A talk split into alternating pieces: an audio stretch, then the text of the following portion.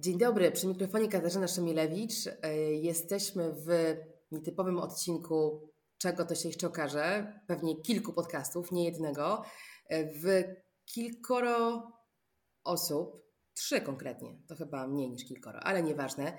Zebraliśmy się dziś, e, żeby porozmawiać na gorąco o sytuacji um, wielkich firm technologicznych w kontekście wielkiego kryzysu, tak to chyba trzeba ustawić. Zaraz powiemy więcej o tym, co się dzieje, ale pozwólcie, że przedstawimy się wszyscy. Są ze mną Krzysiek Izdebski, e, Fundacja Patorego i Open Spending EU Coalition. Cześć. I Bartek Paszcza, Klub Jagielloński i podcast Sceptech. Bardzo mi miło. Cieszę się, że się zebraliśmy e, tak sprawnie w siódmym dniu agresji Rosji na Ukrainę, można powiedzieć, że to epoka, prawda? Zajęło nam epokę, żeby porozmawiać, ale dzieje się tak dużo, że mm, komentarze też ustępują no, obserwacji, zadumieniu, oczywiście stres i mobilizacja, aby pomagać uchodźcom, robią swoje. No ale dziś odrywamy się od tego co Rosja i co Polska w związku z tym, a lądujemy w takim temacie, który nam na co dzień jest bliższy z klucza tego, czym zawodowo się zajmujemy i co komentujemy jako eksperci, a więc wielkie platformy technologiczne. E, okazuje się, to chyba bez zaskoczeń, prawda, że jak trwoga to do technologicznego Boga, wszyscy teraz znowu biegną do nich. Przez wszystkich ja przynajmniej e, obserwuję mm, działania premierów naszych państw ościennych i Polski, którzy już 28 lutego w poniedziałek wystosowali list do wielkich platform w zupełnie innym tonie niż ta komunikacja, do której ja się przyzwyczaiłam, biorąc udział na przykład w pracach nad Digital Services Act, gdzie rządy, w tym Polski, mówiły raczej platformy dość, już nie ruszajcie tych treści, e, my zrobimy własną ustawę. Pamiętamy wszyscy polskie pomysły na Lex Ziobro, oby ten kryzys je już skutecznie przegonił, ale był moment, gdzie Polska chciała być bardzo suwerenna technologicznie, jak również suwerenna moderacyjnie w walce z dezinformacją i w walce ze wszystkim, co w internecie złe. No co się okazuje? Okazuje się, że w taki poniedziałek jak ten y, nie tylko rządy, ale także Szefowie redakcji polskich w dużej grupie zebrani powiedzieli to samo. Wielkie platformy musicie nam pomóc, musicie zadziałać inaczej niż zwykle e, i usuwać konta rosyjskich polityków, rosyjskich mediów bez pytania, co jest w środku. Wszystkie ręce na pokład w walce z propagandą i dezinformacją. Ja widzę taki obrazek. Jakie obrazki wy widzicie w tych dniach? Ja może zacznę od tego, że. Wydaje mi się, że to nie jest tak, że wszyscy jak trwoga to do, to do big techu, w tym sensie, że e, być może wśród osób bardziej interesujących się technologią e, to tak wygląda, natomiast no, pamiętajmy, że, że dyplomaci, że rządzący odbywają dzisiaj dziesiątki spotkań e, i pewnie setki telefonów e, na różnych forach międzynarodowych i z różnymi państwami bilateralnie. No i na przykład ten list paru państw Europy Środkowo-Wschodniej właśnie do wielkich firm technologicznych, wydaje mi się, jest jakimś tam jednym elementem po prostu budowania wspólnego frontu takiej organizacji, e, takiej, takiego sojuszu przeciwko, przeciwko tej wojnie. E, I w tym sensie wydaje mi się to bardzo naturalne, bo oczywiście mm, wszyscy doskonale wiemy, że te platformy internetowe dzisiaj mają ogromne znaczenie dla nas wszystkich e, na całym świecie. Wszyscy doskonale wiemy, że mogą być użyte do, do szerzenia propagandy czy dezinformacji, więc w tym sensie naturalne jest wezwanie do nich, że mm, to, jest, to nie jest normalna sytuacja, to nie jest to nie jest business as usual, tylko to jest bardzo, bardzo wyjątkowy e, konflikt o potencjalnie ogromnym znaczeniu dla całego świata i e, ich reakcja jest po prostu potrzebna w trybie, e, w trybie pilnym i to zdecydowana reakcja, bo jakieś tam zalążki reakcji oczywiście już widzimy i je też gdzieś tam myślę, że po cichu warto docenić. No, czy na pewno no, y, co, co, coś robią, tak? Znaczy, ale wydaje mi się, że jakby tutaj nie ma planu po raz kolejny. E, jest jednak, e, no, tak doświadczeń mamy wiele, jeżeli chodzi o konflikty zbrojne, wojny, właśnie też zachowanie, czy działania, czy, czy niedziałania e, mediów społecznościowych, czy platform internetowych szerzej, chociażby w, w kontekście Birmy, tak? Znaczy, tam wprost wtedy padały bardzo mocne słowa, których byłem świadkiem w stosunku do ludzi pracujących pracujących na wysokich szczeblach Facebooka, obecnie Meta, że biorą udział w ludobójstwie. Znaczy, tu mi się wydaje, że ta reakcja jest spóźniona jednak trochę, ale przede wszystkim ona ma takie, sprawia wrażenie chaotycznej, tak? Znaczy też zwracam uwagę i to w większości tych, tych wezwań tak naprawdę jest duże skupienie się na odcięciu e, kanałów e, mediów rządowych rosyjskich. Tak? Dużo mówimy o Russia Today, e, innych mediach, które rzeczywiście prowadzą i prowadziły przez wiele lat tą dezinformację. Ale to, co mnie w ogóle jakoś inspiruje i muszę wam powiedzieć, że boli mnie strasznie, jeszcze sobie sprawdziłem, czy, czy w dalszym ciągu te treści wiszą e, przed e, naszym spotkaniem, to jest to, że instytucje rządowe rosyjskie w dalszym ciągu mają miejsce na tej platformie. Nie wiem, trudno mi jest ocenić, bo ja takich treści nie otrzymywałem jako rekomendacje, czy rzeczywiście zmieniły się algorytmy, one są mniej rekomendowane, czy nie. Ale ja wiem i widzę, że każdy może wejść, bo tam jest po prostu też setki komentarzy, często bardzo pozytywnych. I słucham, dzisiaj słuchałem e, rzecznika Ministerstwa Obrony, Rosji, który mówił ewidentne kłamstwa na temat e, tego, co się dzieje. Ministerstwa, no, które koordynuje, czy powinno przynajmniej tak się wydaje, koordynować działania wojenne również przeciwko ludności e, cywilnej. I to, że takie treści pozostają, e, no ja jestem zaskoczony. Mogę się domyślać ewentualnie, dlaczego tak jest. E, natomiast ja jasnego stanowiska, mimo różnych prób, muszę powiedzieć, jasnego stanowiska ze strony mediów społecznościowych nie otrzymałem, dlaczego zdecydowali się na niezablokowanie, mając jeszcze, już kończę, mając jeszcze w pamięci to, jak szybko udało się zablokować Donalda Trumpa przecież, jaka była afera też o to. A tutaj od tygodnia minister obrony, czy rzecznik Ministerstwa Obrony e, Rosji nadaje no, dezinformacyjne i takie no, okropne wręcz e, komunikaty o przebiegu tych działań wojennych. Zauważcie, że w obu sytuacjach ostre wezwanie do działania lub same działania przychodzą zawsze tę chwilę po, prawda? Czyli Trump, kapitol się wydarzył, to nie jest tak, że udało się prewencyjnie zablokować to, co Trump mówił, e, podżegając do, do tej formy no, chyba agresji, tak należałoby też wtedy nazwać, choć w kontekście dzisiejszej to się, to się wydają dobre czasy. I myślę sobie zawsze o tym, że, że ta reakcja przychodzi po, ona jest spóźniona i w takim razie na ile jest skuteczna. Ta, ta, taka myśl do mnie wraca. Ja też sympatyzuję z perspektywą Bartka i, i tym, że no na czasy wojny są inne środki niż na czas pokoju. Natomiast zawsze w panoptykonie rozważamy, które z tych zasad, na, na, na, na których obronę my pracujemy na co dzień, powinny obowiązywać bez względu na kontekst. E, I bardzo byśmy nie chcieli oczywiście, żeby precedensy tego typu, które w czasie, w czasie wojny wydają się no, zasadne i pożądane, rozciągały się na czas pokoju, lub żeby zacierała się granica taj, tego, kiedy my po takie środki sięgamy. Bo przecież żyjemy w świecie globalnym, w którym jakaś wojna trwa zawsze. Wspomnieliście o, o Birmie, e, o innych konfliktach. My teraz czujemy wojnę za rogiem, e, za progiem, na swojej skórze ta, e, ten temat stał się dla nas palący, ale przecież dla innych ludzi to jest codzienność.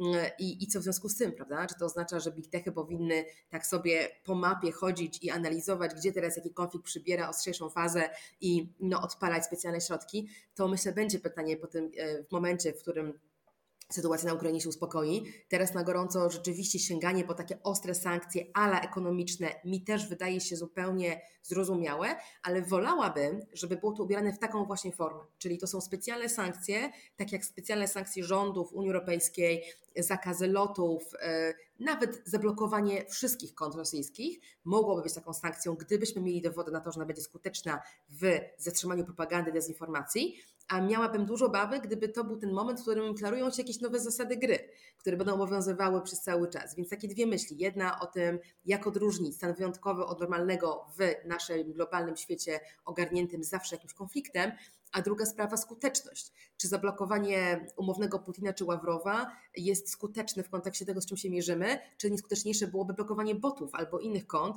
które takie treści do sieci wrzucają, a to algorytmy Big Tech, o których mówimy w naszych kanałach regularnie, odpowiadają za ich widoczność, a nie to, czy to pochodzi od Trumpa, y, Putina czy Ławrowa.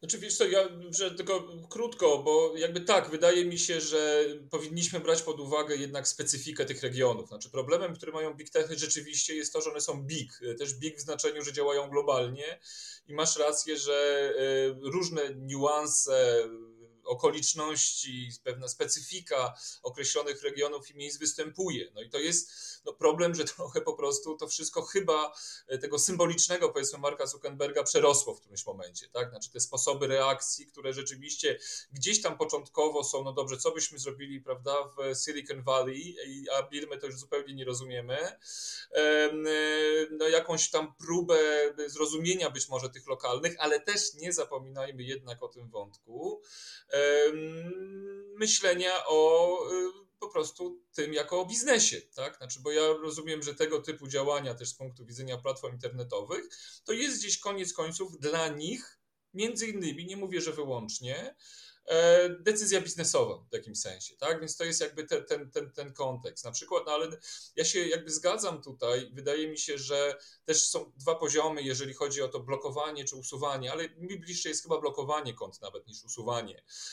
E, faktycznie jednak wychodzi troszkę na to samo, a, e, ale, ale może właśnie no, jest to bardziej w tej, tej duchu przejrzystości, czy, czy jakiejś takiej może nie radykalnej odpowiedzi w tym sensie. Ale są właśnie te dwa wymiary. Jeden to symboliczny, tak? Bo ja się zgadzam prawdopodobnie, rzecznik Ministerstwa Obrony Rosji to nie jest człowiek, który ma wpływ na opinię publiczną jakąś dużą, aczkolwiek pewnie w samej Rosji może mieć, no jednak to jest no, osoba, która jest przedstawicielem władzy, jest jakieś domniemanie, jak wiemy, fałszywe, że, że to, co mówi, to jest prawda. Natomiast e, to, to jest dla mnie symboliczne po prostu. Znaczy, że też świat jest pełen symboli, wojna jest pełna symboli i stąd chyba to mnie najbardziej razi. Natomiast na tym poziomie praktycznym, operacyjnym, no tak, to są pewnie boty. My też obserwujemy nagrywamy też e, to nasze spotkanie po tych e, działaniach dezinformacyjnych na, na polskiej granicy w tej chwili, tak? To, co dzieje się w Przemyślu chociażby, czyli takie no, podburzanie do, do, do, do różnych działań e, antyuchodźczych, no to, to jest niebezpieczny element kampanii. Tu się zgadzam, minister obrony Rosji pewnie z tym nie ma nic wspólnego, więc tu te działania są potrzebne. Natomiast mi, mi, mi się wydaje, już kończąc, ta, ta symbolika też jest ważna, tak? Znaczy powiedzenie po prostu, że no nie mamy, nie, nie dajemy głosu platformy do osób, które wywołują i prowadzą wojnę. Ja jeszcze wrócę do, do tego, co, co Kasia wspomniałaś na początku, czyli czy nie jest za późno. Ja mam poczucie, że my na co dzień od tygodnia y, funkcjonując, interesując się tym konfliktem, no widzimy głównie jednak reakcję Zachodu, również w tych mediach społecznościowych. I tutaj e, chyba nie ma wątpliwości, że Ukraińcy podbili nasze serca i e, trudniej było będzie Rosji, e, mimo właśnie podejmowanych prób wspomnianych pewnie przez Krzyśka. Trudno będzie Rosji tutaj wygrać e, zbyt wiele, chociaż pewnie jakieś tam e, sukcesy może osiągnąć. Natomiast według mnie kluczowa walka toczy się o serca tych krajach, które są trochę na są trochę pomiędzy, tak? Czyli tutaj na przykład Ameryka Południowa, czy Indie, czy, e, czy po prostu kraje mm, Bliskiego i Dalekiego Wschodu, no to są miejsca, gdzie te nasze, nasze zachodnie często, ale również chińskie globalne platformy e, działają, e, mają oddziaływanie i obecność e, na przykład tego kanału Russia Today tam ma może mieć znaczenie. Dlatego samo odwołanie, mm, skasowanie kont tego kanału, na przykład w Unii Europejskiej, do czego zdaje się Facebook się posunął, no nie jest rozwiązaniem o tyle, że to nie chodzi o to, że mm, czy to nie załatwia sprawy po prostu, bo ten konflikt jest faktycznie globalny, a nie ograniczony do Unii Europejskiej i Ukrainy. E, I to jest e, kluczowe rozumowanie, że platformy działają globalnie, więc, więc również te, te różne e, sankcje czy te różne działania muszą być globalnie podejmowane. Drugi wątek, czyli, czyli to na ile to jest, znaczy, czy stan wyjątkowy nie przerodzi się w permanentny stan wyjątkowy i czy dzisiaj podejmowane decyzje przez platformy nie zostaną z nami na zawsze, no to jest oczywiście obawa, I absolutnie się zgadzam, że, że, że jeśli ta wojna się skończy, znaczy mam nadzieję, że się skończy jak najszybciej, to zaraz po tej wojnie musimy wrócić do dyskusji o regulacji, chociażby ta wojna pokazuje, jak to jest istotny temat, tak, że mamy to nieprzepracowane i to zarówno po stronie firm i platform, jak i po naszej stronie społecznej, czy po stronie państw, my tak naprawdę nie wiemy, e, jak powinniśmy, jaką procedurę powinniśmy tutaj zastosować. Mm, ale zanim to nastąpi, no to musimy działać w rzeczywistości, w której jesteśmy, a w tej rzeczywistości, no właśnie nie mamy tych mechanizmów jakichś bardziej państwowych czy organizacji międzynarodowych, e, które mogłyby platformom nakazać nałożyć takie czy inne sankcje globalnie. Mm, platformy dostosowują się do lokalnych regulacji wewnątrz krajów, które sankcje wprowadzają, e, czy starają się dostosować, ale no musimy od nich wymagać więcej, bo tak naprawdę ta realna władza dziś leży w ich rękach i to od nich zależy, e, czy, czy jej użyją. Natomiast nie wiem, czy tak naprawdę one kierują się dzisiaj interesem biznesowym, szczególnie, szczególnie w dobie oczywiście sankcji na Rosję, gdzie, gdzie domyślam się, że przepływ pieniędzy ze strony rosyjskiej do platform jest praktycznie niemożliwy czy bardzo utrudniony. Myślę, że po prostu jest, jest to chaos. Zresztą doniesienia dziennikarza Politico również e, na to wskazują, że platformy same nie wiedzą właśnie jak się zachować, że nie mają przepracowanych tych konfliktów, że z jednej strony narzekają, że no tak, ale te państwa zachodu też nam precyzyjnie nie, ma, nie mówią, co mamy robić, a z drugiej strony między platformami też nie ma zgody co do tego, jakie powinny być posunięcia, że nikt nie chce wyjść przed szereg i tak dalej, i tak dalej. No to pokazuje to, o czym e, myślę, że akurat zgromadzonych tutaj nie muszę przekonywać, czyli że to jest sprawa polityczna i że te platformy tworząc media społecznościowe, podejmują decyzje społeczne, czyli decyzje polityczne, e, za które muszą wziąć odpowiedzialność i e, które nie są czarno-białe i nikt im nigdy nie powie, słuchajcie, zróbcie dokładnie to i to. I niestety to jest odpowiedzialność, którą muszą e, brać na siebie, o czym przekonują się od lat, ale widać no, z każdym kolejnym dniem coraz bardziej. Czy nie macie poczucia wręcz déjà vu? E, ja trochę tak miałam, przygotowując się do tej rozmowy, sprawdziłam kalendarz i zobaczyłam, że no niemal równo dwa lata temu mieliśmy moment, kiedy e, wybuchła w Europie pandemia i bardzo podobna dynamika towarzyszyła rozmowom o roli wielkich platform wtedy, zaczęło się od logistyki, od tego, że Amazon wozi e, paczki, których e, nie mogą, nie są w stanie przewozić rządowe służby Wielkiej Brytanii, a ktoś tam robi coś tam, a WhatsApp służy jako linia awaryjna dla WHO, a chwilę potem okazało się, że nie będzie żadnego rozwiązania skutecznego w walce z pandemią, które zawiera w sobie element technologii, jeżeli nie wejdzie w to któryś z big techów i to Google i Apple przecież ustaliły realny mhm. standard aplikacji do śledzenia e, kontaktów społecznych. Teraz nikt o tym nie pamięta i to się wszystko wydaje już to bardzo ważne. Bo standard, to trzeba dodać. Słucham? Że bardzo dobry standard jednak, trzeba przyznać. Standard był bardzo dobry, to, to, to fakt. Natomiast no, rozwiązanie, tak jak się wówczas tak. obawialiśmy, nie było specjalnie skuteczne w walce z tym wrogiem, jaki był wtedy, czyli, czyli po prostu wirusem. E, teraz jest inaczej. Teraz e, wydaje mi się, że, że to są spóźnione działania o tyle, że no, propaganda rosyjska to naprawdę nie jest coś, co wybuchło nam w twarz wczoraj, e, a pomysł na to, że dezinformacja to poważny front mm, i polityczny, i technologiczny, to jest, są przynajmniej ostatnie 4 lata. Sprawdziłam, kiedy powstał kodeks dobrych praktyk firmowany przez Big Techy, które inicjowała Komisja Europejska, to był 2019 rok i on był ewaluowany i w wyniku jego ewaluacji rozpoczęły się prace, które, teraz wchodzą w fazę kulminacyjną, czyli regulacja mm, wielkich platform w formie Digital Services Act, gdzie również są rozwiązania dotyczące tego, jak one powinny analizować ryzyka e, i to dla algorytmów. To jest szalenie ważne, prawda? Tutaj nie mówimy o takiej prostej moderacji treści. O, widzę konto, które rozsiewa jakieś mowę nienawiści, podżega do przemocy, mm, usprawiedliwia agresję albo dezinformuje. Nie, mamy problem z algorytmami, które żerują na treściach sensacyjnych, emocjonujących, e, klikalnych, które korelacja tutaj istnieje między ładunkiem dezinformacji a takimi treściami, ale nie jest to oczywiście jednoznaczne, więc to nie są proste korekty, ale dlatego właśnie Unia Europejska, Unia Europejska oczekuje od dużych platform, że one zainwestują realne pieniądze, realne środki wewnętrzne, e, w tym analizę, w zrozumienie tych ryzyk i przeciwdziałanie nim w sposób wyrafinowany, tak jak wyrafinowane są te algorytmy e, i e, modele biznesowe tych firm. Więc no tutaj piłka jest po ich stronie, przepisy DSA tworzą się od dwóch lat, wszyscy je znają, tak naprawdę można byłoby oczekiwać, że ta sytuacja konfliktowa w Europie przyspieszy po prostu wdrożenie pewnych środków, ale tych realnych, tych, które mają szansę zmienić coś systemowo, a więc znowu wracam, zmienić coś w tym, jak działają algorytmy, a nie tylko na miesiąc, dwa, pięć e, zablokować, przysłonić konta, czy, czy, czy e, symbolicznie ukarać, co oczywiście wydaje się teraz potrzebne, takie symboliczne ukaranie pewnych postaci, które za to ponoszą polityczną, odpowiedzialność. Więc chciałabym rozdzielić trochę teraz dyskusję mm, o sankcjach i zapytać Was, co sądzicie o tych środkach, e, które nie są od wczoraj proponowane, prawda? Czyli demonetyzacja pewnych treści, to co Google pokazał w pandemii, że się da nie zawsze trzeba na wszystkim zarabiać. Są tematy, na których lepiej nie zarabiać.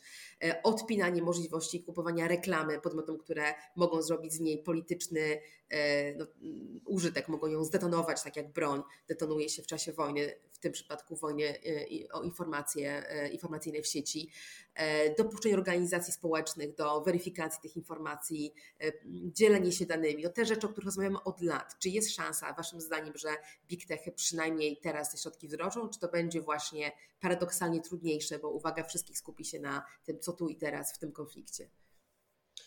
No yy, słuchaj, no wydaje mi się, że tak, tak. Ja nie mam tutaj jakby wątpliwości, że my jesteśmy, czy byliśmy na pewno, może tak, bo zobaczymy też jak świat się zmieni, czy, czy, czy Europa, czy świat zachodni może e, w tej kwestii, ale byliśmy na dobrej drodze e, co do tego, żeby te rozwiązania, które są e, w DSA były wprowadzone przy nie no, nie, nie jakimś wielkim może zadowoleniu w samych platform, ale ja mam wrażenie, że one też już to przyjęły, że to będzie ich rzeczywistość, tak?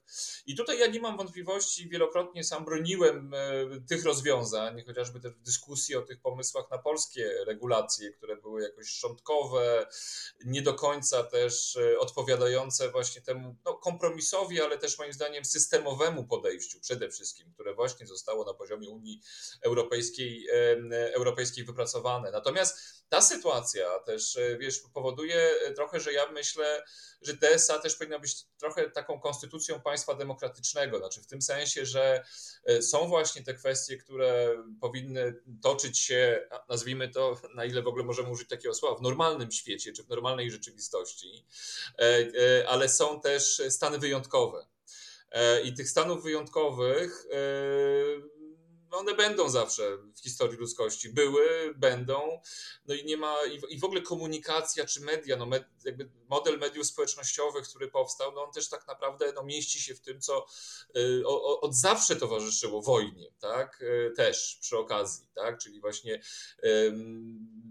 bombardowanie, też w symbolicznym tego znaczeniu oczywiście informacją, tak, z jednej, drugiej strony konfliktu, wykorzystywanie tego, ale też coś, co daje nadzieję, bo ja bym chciał jeszcze jeden wątek do nas może wprowadzić, który jest ważny, że e, o takiej pozytywnej roli też mediów społecznościowych, którą ja widzę i chciałem podkreślić tutaj, e, że często w takich krajach, i to jest dobrze pokazane teraz jeszcze jak Putin wczoraj zamknął kolejne niezależne radia, już w zasadzie zamykając ten rynek niezależnych mediów w Rosji, że czy nam się to podoba, czy nie może, tak, że pewnie inaczej byśmy widzieli ten rynek mediów czy dostępu do informacji, to media społecznościowe pełnią jednak taką rolę niezależnych kanałów komunikacji, również dla, dla ludzi, którzy działają w opozycji, chcą dotrzeć do e, innych informacji, czy tak jak wspomniałaś w kontekście organizacji pozarządowych, e, są w stanie debankować czy weryfikować dezinformacje. E, to też jest pewien monopol. Może nie powinniśmy być w tym momencie, ale to też jest nasza rzeczywistość. Tak? Znaczy, ja trochę tak rozumiem między słowami, jak gdzieś patrzę na to, co jak reagują teraz te platformy, znaczy być może i chciałbym wierzyć, że to jest właśnie ten powód, e, że oni się po prostu boją też wykonać te symboliczne nawet kroki, E, w stosunku do usuwania treści e, e, osób, czy, czy usuwania profili, czy, czy blokowania profili osób związanych z reżimem putinowskim, dlatego właśnie, że boją się odcięcia Facebooka, czy Google'a, czy, czy, czy innych platform w Rosji. A wiemy, że Rosja też już ogranicza, nie pierwszy raz zresztą, dostęp do, do tych serwisów. No więc to, to rzeczywiście jest kwestia wyważenia, a jak wyważać, to musimy mieć system, jasnie opisany system, regulacje do tego, żeby wiedzieć, co wyważać z czym i jak. I być może też e, jak robić to efektywnie, czyli w tym przypadku też dosyć szybko.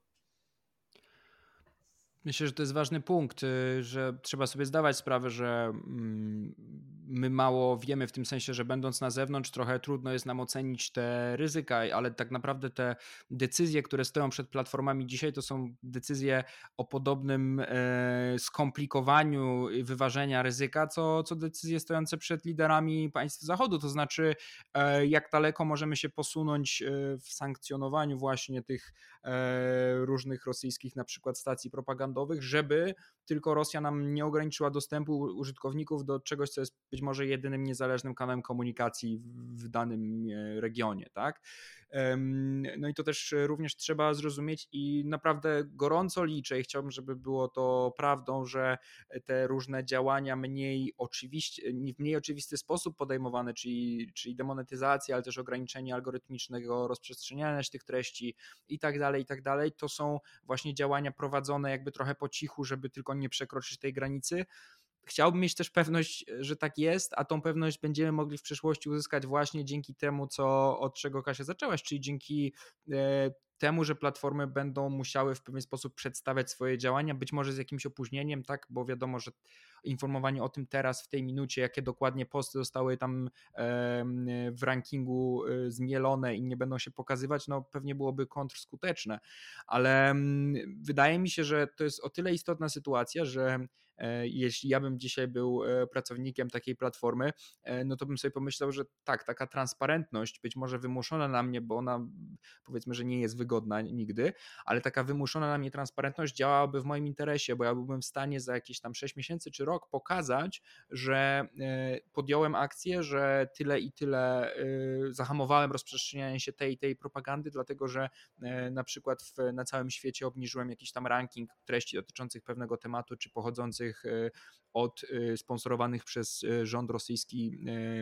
mediów.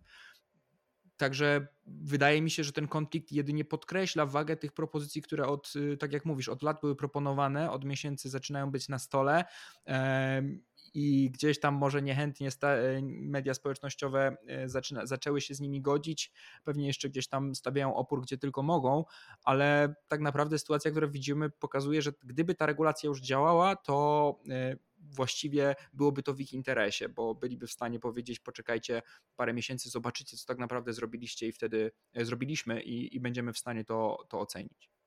To by było rzeczywiście świetnie, gdyby same platformy dostrzegły swój e, interes reputacyjny, biznesowy w tego typu przejrzystości. No co więcej, myślę, że ta sprawa pokazuje, jakie pułapki, jakie wyzwania czekają na nas w przejrzystości machine learning, algorytmów uczenia maszynowego, które to odpowiadają za to, co jest widoczne, a co nie. No i ten prosty przykład, który już tutaj przedstawiliśmy, różnica między treścią, którą wrzuca konto, które potrafimy wskazać jako sięce dezinformację, bo, bo zasłużyło na taką renomę i treść, która nawet nie jest fejkiem, ale jest na przykład naiwną opinią albo opinią, którą powtarzają miliony ludzi, bo się boją. E, ja codziennie dziś w Polsce dostaję od znajomych, którzy na co dzień zajmują się polityką, geopolityką, militariami, e, doniesienia typu słyszałaś, że łodzie podwodne atomowe odpalają ja racjonalnie wiem, że gdyby rzeczy takie się działy, to albo byśmy na serio, to albo byśmy o nich nie wiedzieli, bo, bo, to, bo, to, bo to nie są newsy. Tak. E, i że jeżeli grozi nam coś naprawdę, najpewniej dowiemy się o tym, jak zwykle na wojnie ten, tę, tę chwilę po, więc y, przeczuwam, że w tego typu newsach wyłącznie kryje się strach i obawa przed takim scenariuszem, co nie zmienia faktu, że popularność jest y, olbrzymia i to tylko pokazuje, jak trudno będzie algorytmowi tak czy inaczej dostosowanemu zareagować na na przykład tego typu dezinformacje czy sianie e, paniki, bo to nie są proste mechanizmy, ale tym bardziej cieszę się, że mamy okazję wymusić czy, czy oczekiwać od wielkich platform zajęcia się, się tym tematem poważnie, no z całym bólem yy, z uwagi na kontekst. Oczywiście, że byłoby lepiej testować to w czasach pokoju, względnego pokoju, relatywnego pokoju, choćby pokoju w Europie. Te czasy na ten moment są mocno, mocno yy, za nami. E, rozumiem, że będziemy do tego tematu wracać, a może i okaże się, że same platformy się odezwą, prawda, w najbliższych dniach. Może taka rozmowa jak dzisiaj między nami na gorąco odbędzie się między szefami platform, gdzieś publicznie będziemy mogli posłuchać, co oni uzgodnili. E, niemniej jednak no, ja wracam z uporem panoptykonu do tego, że wolałabym mocne, zdrowe reguły na czas i pokoju wojny, a nie radykalne wyjątki w kontekście konfliktu. E, więc oby Unia Europejska nie straciła tego fokusu, który miała na DSA i doprowadziła tę reformę do końca właśnie w tych gorących czasach. Tego bym życzyła dzisiaj w siódmym dniu agresji Putina na, na Ukrainę. E, I co? Trzymamy kciuki, prawda? No tak, i te reguły na czas wojny myślę, że też są, też są ważne i e, też patrzmy na to, jak na E, mediach społecznościowych e, rozwijają się też dobre rzeczy. Myślę, że patrzmy, ale niezależnie w ogóle od wszystkiego, regulacje, nieregulacje, krytyczne myślenie. E, I to jest chyba też taka rzecz, która do nas powinna trafiać, bo często sami ulegamy emocjom, trochę tak media społecznościowe działają, więc więcej może myślenia o tym krytycznym myśleniu i podchodzeniu do informacji, które słyszymy. Tak, jeśli już musicie podawać dalej, to podawajcie dalej informacje o pomocy, a nie informacje o tym, co będzie złego się działo na wojnie, bo le lepiej pomagać w tym momencie, bo to możemy rzeczywiście zrobić, niż bać się o to, co za chwilę wybuchnie nam w twarz. Tak. No z mojej strony, tak podsumowując, ja jestem za tym, że potrzebujemy działań dziś i to działań y, w dużej mierze platform, bo to one mają obecnie e, klucze do, y, do wszelkich działań w przestrzeni internetowej na swoich platformach a jutro potrzebujemy regulacji i, i, jakiegoś na nowo poukładania tych klocków, tak żebyśmy e, wiedzieli, co, co się dzieje, jakie kroki mamy podejmować w takich sytuacjach i e, jak daleko mm, pójść w ograniczeniu mm, właśnie na przykład dezinformacji czy propagandy. Dziękuję Wam bardzo. Kończymy ten szybki komentarz. Katarzyna Szymilewicz, Panoptykon. Krzysiek Izdebski, Fundacja Batorego. Bartek Paszcza, Klub Jagielloński. Do usłyszenia. Do usłyszenia. Do usłyszenia. Dzięki.